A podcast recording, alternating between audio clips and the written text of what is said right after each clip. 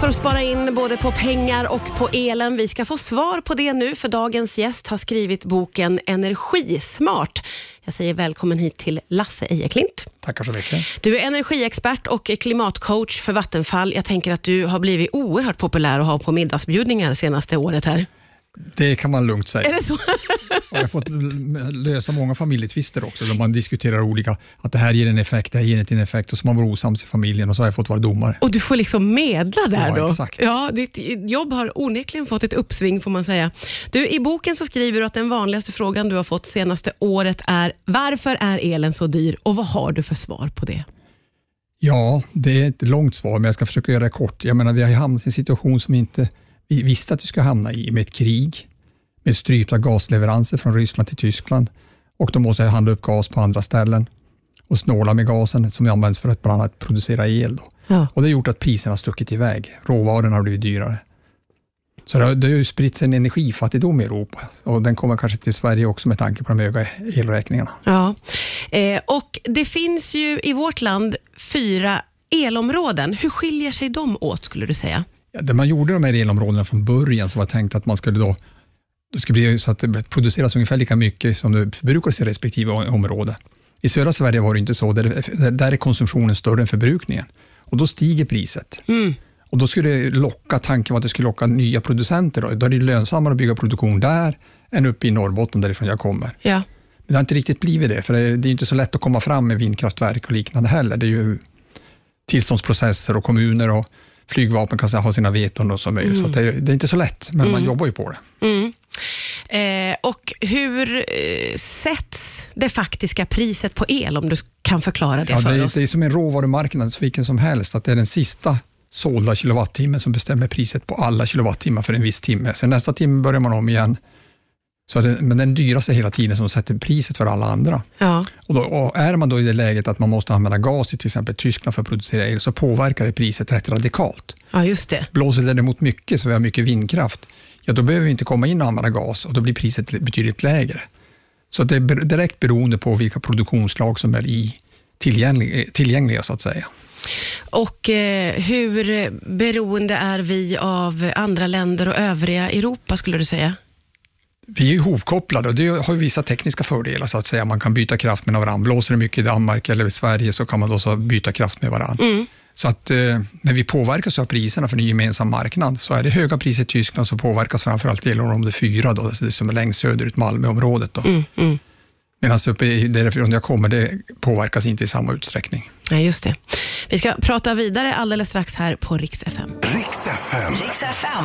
Idag får vi eh, tips på hur vi kan spara in både på pengar och på elen. Det är Lasse Ejeklint som gästar, energiexpert och klimatcoach för Vattenfall och aktuell med boken Energismart där vi får väldigt handfasta tips på vad man kan göra då.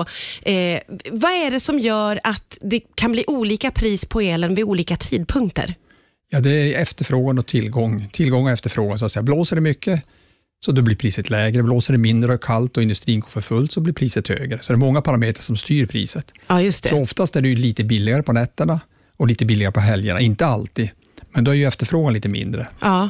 Så om man ska styra då till när man ska sätta på tvättmaskinen? Ja, det, då, kan man, då ska man styra till de timmar det är mindre pris eller lägre pris. Men nu är det så att de flesta, det är bara ungefär 10, eller 5 procent av Sveriges befolkning som har ett elpris som baseras på timme för timme. Mm. Utan de andra har ett rörligt pris och det blir ett medelvärde utav månadens alla timmar. Ja, ja, okej. Så då har man inte den här incitamentet att klockan sju är det som dyrast, utan då är det samma hela månaden. Ja, just det. Just det. Men man ska ju ändå minska sin energianvändning, för då minskar man ju sina kostnader. Ja, ja, men precis. Vad skulle du säga är eh, allra eh, mest kostsamt i ett hem? Det som jag är förvånad över, det som dyker upp här, jag pratar med en av dina kollegor här, elektrisk golvvärme i badrummet. Man glömmer som bort att det drar mycket el. Åh, Man sätter ofta upp temperaturen rätt så högt för man vill ha varmt och skönt i ja, toaletten. ja. Och så har man på det året runt fast man inte behöver. Ja, just det. Så det är en sån där liten bo som man inte tänker på. Och sen är det andra är ju, om du duschar fem minuter, hur många liter vatten tror du det går åt? Oj, fem minuter? Ja, nu tänker jag att det går åt jättemycket om jag duschar i fem minuter. Ja, det går ut, det är 60 liter, alltså 6-10 liters hinkar varmvatten skulle släppa in om inte det kom genom kranen. Det är Och då är det ett sätt att, det är ett sätt att visualisera så man får förståelse för hur mycket energi finns där. Ja. För jag menar, släcker man en lampa, då ser man ju att det händer någonting. Drar man ner på termometern, eller i värmen, så ser man ju efter några timmar att temperaturen har gått ner. Man vill ha en sån feedback så att man ser, ah, klappar sig på bröstet och säger, fan det gjorde jag bra. Ursäkta svordomen. Ja, ja, det är exakt så man vill känna. Det är Ja. precis det. Eh, Så man ska vara lite vaksam på hur länge man duschar och hur hur länge man spolar kranen då, får jag förmoda. Exakt va. Borsta inte tänderna med rinnande varmvatten. Nej, just det. Eh, du har ju eh, ett kapitel som du helt ägnar åt små åtgärder som kan göra stor skillnad. Och Här måste jag säga att jag upplevde att jag fick otroligt mycket matnyttigt med mig. Bland annat är det här att inte låta kranen stå och rinna medan man håller på med något annat. Eh, det finns ett tips om att eh, man ska tänka på hur man har sina möbler. Precis, man har ju elementen sitter ju regel, eller sitter ju under fönstret för att ta bort kallraset. Om man då bäddar in det med en stor soffa ända mot elementet, då kommer inte värmen ut. Nej. Utan det ska vara en spalt på åtminstone en decimeter mellan elementet och möbeln då, för att då få ut värmen på ett bra sätt. Och det sparar man faktiskt en tusenlapp per år. Är det så pass? Så att eh, arrangera om så att ingenting blockerar elementen är ett Precis, och så sen är det också, speciellt om man bor i ett lite äldre hus med lite sämre fönster, så ska man ju inte ha soffan bredvid fönstret, för då känner, man känner den där kallstrålningen som det kallas. Ja, just det. Just det. Så man kan också möblera utifrån det, utifrån ett eh, bekvämlighetsperspektiv också. Ja, just det.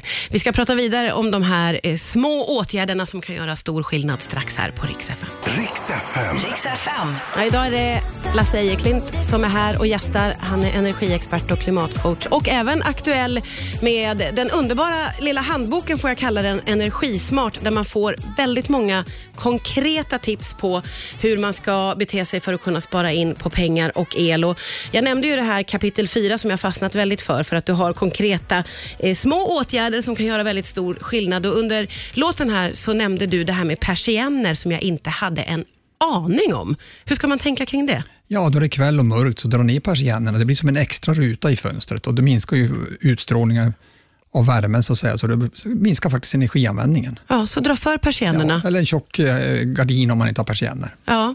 Tandborstning kan vara en energitjuv. Det har vi ju varit inne på lite grann med, det handlar ju om kranen. Precis, och det är sak samma, de som rakar sig, det är populärt om man rakas med lödder, att man står och sköljer av under rinnande vatten. Ja. Det är bättre om man fyller tvättstället med lite vatten och så sköljer man av kniven, det vill säga rakhyveln i där. Då. Och om man någon gång, det kanske inte blir så ofta då, men om man någon gång ska unna sig ett gött varmt bad, hur ska man tänka där tycker du? Ja, ett sätt att, att ju ta vara på den energi som redan har, som finns i varmvattnet genom att låta badkaret eller vattnet stå och svalna innan man släpper ut det. Då får man till, värmen sprider sig i lägenheten eller i huset och så blir det lite fuktigare också på vintern och rätt så torrt i lägenheten, så det är positiv effekt där också. Ja, ja. Och så samma kan du göra när du kokar pasta. Låt pastakastrullen stå och svalna innan du häller ut det. Otroliga, de här tipsen har jag, man har inte ens behövt tänka på det. Men små saker kan ju faktiskt komma ganska långt. Då. Eh, du skriver också i boken om att man ska tänka på att använda vattenkokare ibland istället för att koka upp. Ja, det effektivaste sättet är ju till exempel om man ska göra pasta eller koka pa- tevatten, det är ju att använda vattenkokaren. Man häller upp den mängd varmvatten man, vatten man behöver, så kokar man det i, i, I namn- vattenkokaren. vattenkokaren, Ja, ja. Och den är otroligt energieffektiv, för själva elspiralen sitter i vattnet, så det är det bästa sättet att värma vatten på. Så då jag ska koka pasta, så koka upp vatten i va- vattenkokaren, häller i kastrullen och så sen får du koka sen vidare där. Ah, smart tips. Du, vad är det för skillnad eh, om man vill dra ner, om, om vi tänker att man bor i lägenhet eller villa? Vad är de största skillnaderna där? Ja, oftast om man bor i lägenhet så ingår ju värme och varmvatten i hyran eller den avgift man betalar till föreningen. Men man ska ju även där minska på energianvändning. Det påverkar ju på föreningens ekonomi positivt och även den egna ekonomin positivt. Men framför allt är det på villasidan. Det är ju hälften av elen i en villa som är elvärmd är uppvärmning. En fjärdedel är varmvatten och den sista fjärdedelen är resten, lampor, datorer och så vidare. Ja, ja. Så börja titta på uppvärmning, sänka temperaturen och sen har vi varit inne på det här med vatten, duschvanorna. Spara en minut var i familjen, så är det 2000 kronor på ett år. Och vad vinner jag på att släcka lamporna när jag går ut ur ett rum? Gott beteende, däremot inte så mycket energi för det är LED-lampor, va? men det är ett bra beteende. Då gör man ju det alltid, man stänger av datorn, man stänger av TV, man stänger av belysningen. Ja, just det. Ja, så det, man kan lika gärna ägna sig åt det, för det är någonting som är så vä- väldigt enkelt, som man säger till ungarna och allting också. Det här, ja, nu håller jag upp mitt finger. Ja, det gör du. Det det bästa verktyget så att säga. Av och på, av och på. Ja, just det. Det ska vi tänka på. Det finns väldigt många bra konkreta exempel på hur man kan bete sig för att spara in pengar och eh, på elen. Energismart heter boken. Tack Lasse Ejeklint för att du kom hit idag. Tack för att jag fick komma.